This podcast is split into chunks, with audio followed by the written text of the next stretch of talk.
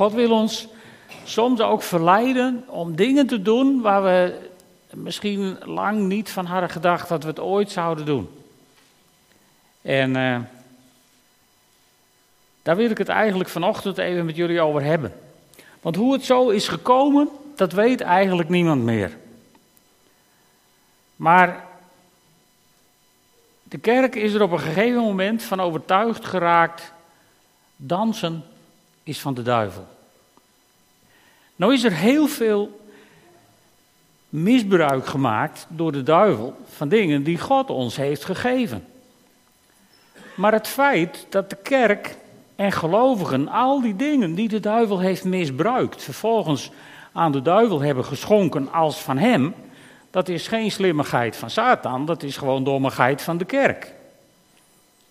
En volgens mij wordt het tijd dat de kerk opstaat om al die dingen die wij hebben weggegeven, om gewoon terug te nemen. Daarvoor is het de hoogste tijd. Want het typische is dat bij al die dingen die we hebben weggegeven, dat we als kerk het meest misbruikte product op deze aarde altijd hebben gehouden. Want we zijn nog steeds uit op uw geld. We gaan straks nog steeds collecteren.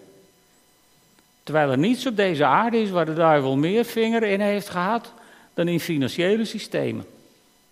Apart hè, dat we dat niet hebben weggedaan. Goed, genoeg daarover. Ik wil het met jullie hebben over iets wat je terug zou moeten brengen. Misschien wel in je eigen geestelijk leven. Ook in de momenten dat we samenkomen. En uh, laat ik gelijk de lastigste dan maar bij de kop pakken. En dat is dansen in de kerk. Al heel vroeg in de Bijbel vind je dat mensen in tijd van lofprijs en aanbidding dansen voor God. Een van de vroegste dingen is, is wanneer het volk Israël door de Rode Zee is getrokken en al die verdronken Egyptische soldaten aanspoelen en het tot hun doordringt dat ze echt van hun vijanden zijn verlost. Dan zingen ze een prachtig lied. Mozes die schrijft daar een prachtig lied. En dan staat er dat Mirjam met haar tamboerijn gaat dansen en alle vrouwen gaan met haar meedoen. Jammer genoeg hebben heel veel mensen daaruit afgeleid dat dansen alleen voor vrouwen is, maar dat komt straks nog even.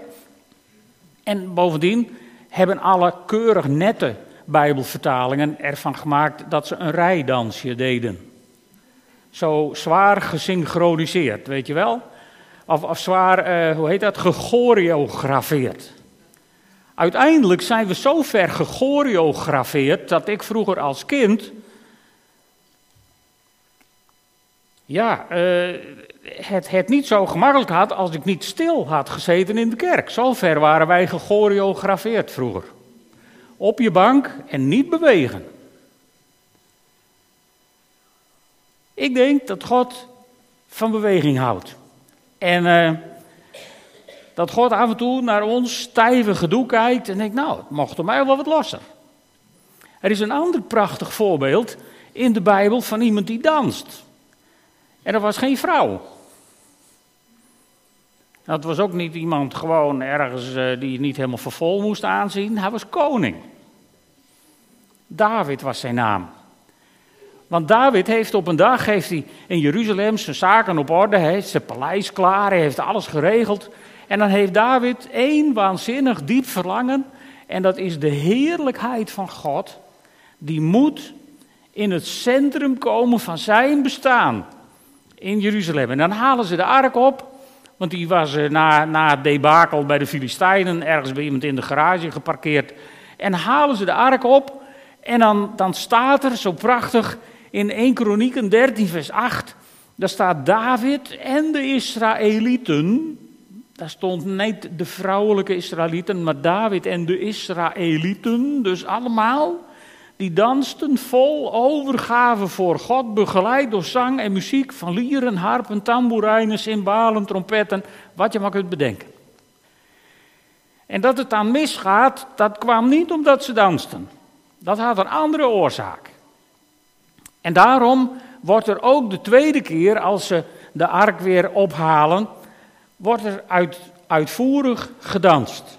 Geweldig, dat lezen we in 1 Kronieken 15, vanaf vers 28. Daar staat onder gejuich en horend geschal haalde heel Israël de ark van het verbond van de Heeren in, terwijl de trompetten en de cymbalen klonken en er gespeeld werd op harpen en lieren.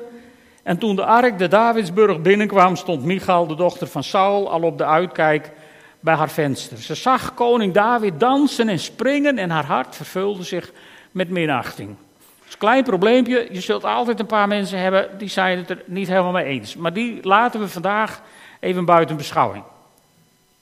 En bovendien kun je bij Michal zien hoe onvruchtbaar die houding is geweest. Goed, de ark van God werd neergezet in de tent die David had laten oprichten. En men bracht brandoffers en vredeoffers aan God. Na afloop daarvan zegende David het volk in de naam van de Heer. Aan alle Israëlieten, zowel mannen als vrouwen, liet hij brood, gedroogde dadels en rozijnen uitdelen. En David stelde de volgende levieten aan om dienst te doen bij de ark van de Heer, door de Heere de God van Israël te roemen, te loven en te prijzen. Asaf als leider en Zacharia als zijn helper, Jeiel, Semiramot, Jegiel, Matitja, Eliab, Benaja, Obed-Edom en Jehiel moesten de harpen en de lieren bespelen en Asaf moest de cymbalen slaan. De priesters Benaja en Jagaziel moesten voortdurend op de trompetten blazen voor de ark van het verbond met God. En op die dag droeg David Asaf en zijn verbanden op voortaan als volgt de lof van de Heer te zingen. Loof de Heer, roep luid zijn naam, maak zijn daden bekend onder de volken. En dan komt er een prachtige psalm. En ik weet niet of het jullie is opgevallen, maar wat David niet heeft aangesteld, is de spreker. In ons kerkelijk erf, zeg maar, zo'n beetje de hoofdmoot geworden van de samenkomst. Ik herinner me vroeger, toen wij net in de Pinkstergemeente waren, daar had men het over de voordienst en de preek. Dat was kennelijk dan de eigenlijke dienst.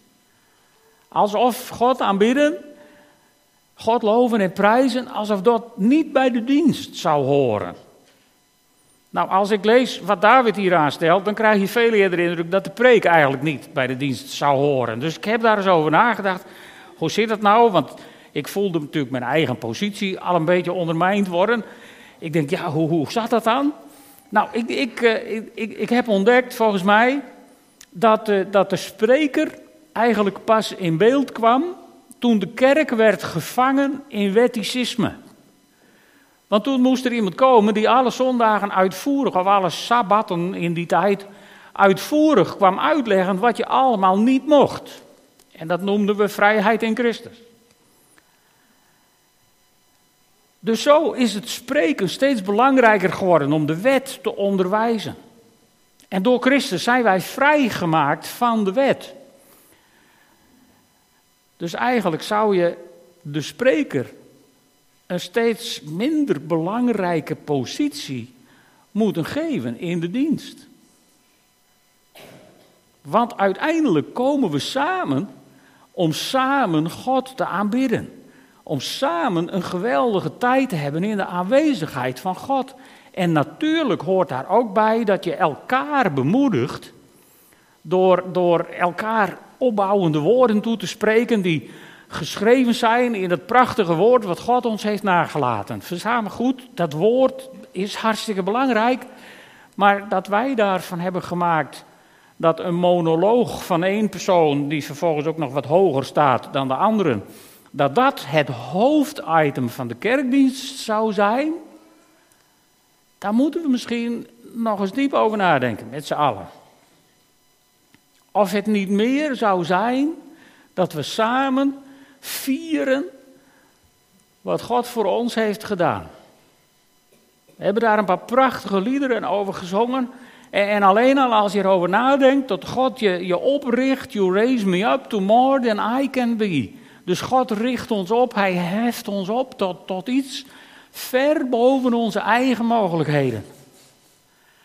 En daarover, lieve mensen, mag je uit je dak gaan. Als Sven Kramer een 10 kilometer rijdt die, die ver boven zijn eigen mogelijkheden leidt uit te gaan, omdat hij weer een wereldrecord rijdt, dan staan mensen anders op de tribune dan als ze in de kerk zitten bij het horen van het verhaal dat Jezus Christus aan het kruis de dood heeft overwonnen. En eigenlijk is dat te gek voor woorden. Maar goed, ik wil jullie niet met een schuldcomplex opzadelen. Maar ik hoop dat je begrijpt wat ik bedoel. Het vuur zou eraf moeten spatten als wij ons realiseren hoe gelukkig wij zijn als mensen verlosten door het bloed van het lam. En daarom denk ik dat het tijd is voor een feestje. Volgende week vieren we weer een feestje. Dan vieren we met brood en wijn wat God voor ons, wat Jezus voor ons heeft gedaan. En vandaag vieren we dat met, met muziek, met zang, met lofprijs, met, met filmpjes, met dans. En we gaan nog een stapje verder. Want we hebben nu eh, aan het begin van het seizoen beloofd dat we de diensten wat interactiever zouden maken. Nou, daar gaan we vandaag ook iets van inlossen. Van het interactieve. Want uh, Suzanne, die gaat ons zometeen meenemen in een dans. Meenemen in een dans. Ik zie nog niemand hoera roepen, maar. Beschouw het maar als een nieuw experiment van interactief samen zijn. En uh, ja, kijk, helemaal goed. In de psalmen staan een paar oproepen om te dansen. En daar wil ik mee eindigen. Ik wil jullie daarmee oproepen. Ik ben er met, één begonnen. In Psalm 87, waar staat: En dansend zingen zij, mijn bronnen zijn alleen in u. In Psalm 149, vers 3, daar staat: Laten zij dansend zijn naam loven, bij lier en tamboerijn voor hem zingen. En Psalm 150, vers 4 zegt het ook: Looft hem met dans en tamboerijn, looft hem met snaren en fluit. Nou, dus de Bijbel die roept ons aan alle kanten op. En misschien zitten hier jongens die denken: Nou, dansen is voor meisjes. Misschien zitten hier ook wat oudere mensen die denken dansen is voor de jeugd. Dan heb ik nog één Bijbelvers voor jullie. Ter bemoediging voor wat zo meteen gaat komen. Jeremia 31, vers 13. Meisjes dansen vrolijk in de rij. En let op, jongens en grijsaards dansen mee. Staat gewoon in de Bijbel. En let dan goed op, hun rouw verander ik in vreugde. Ik troost hen, hun verdriet vergeten zij.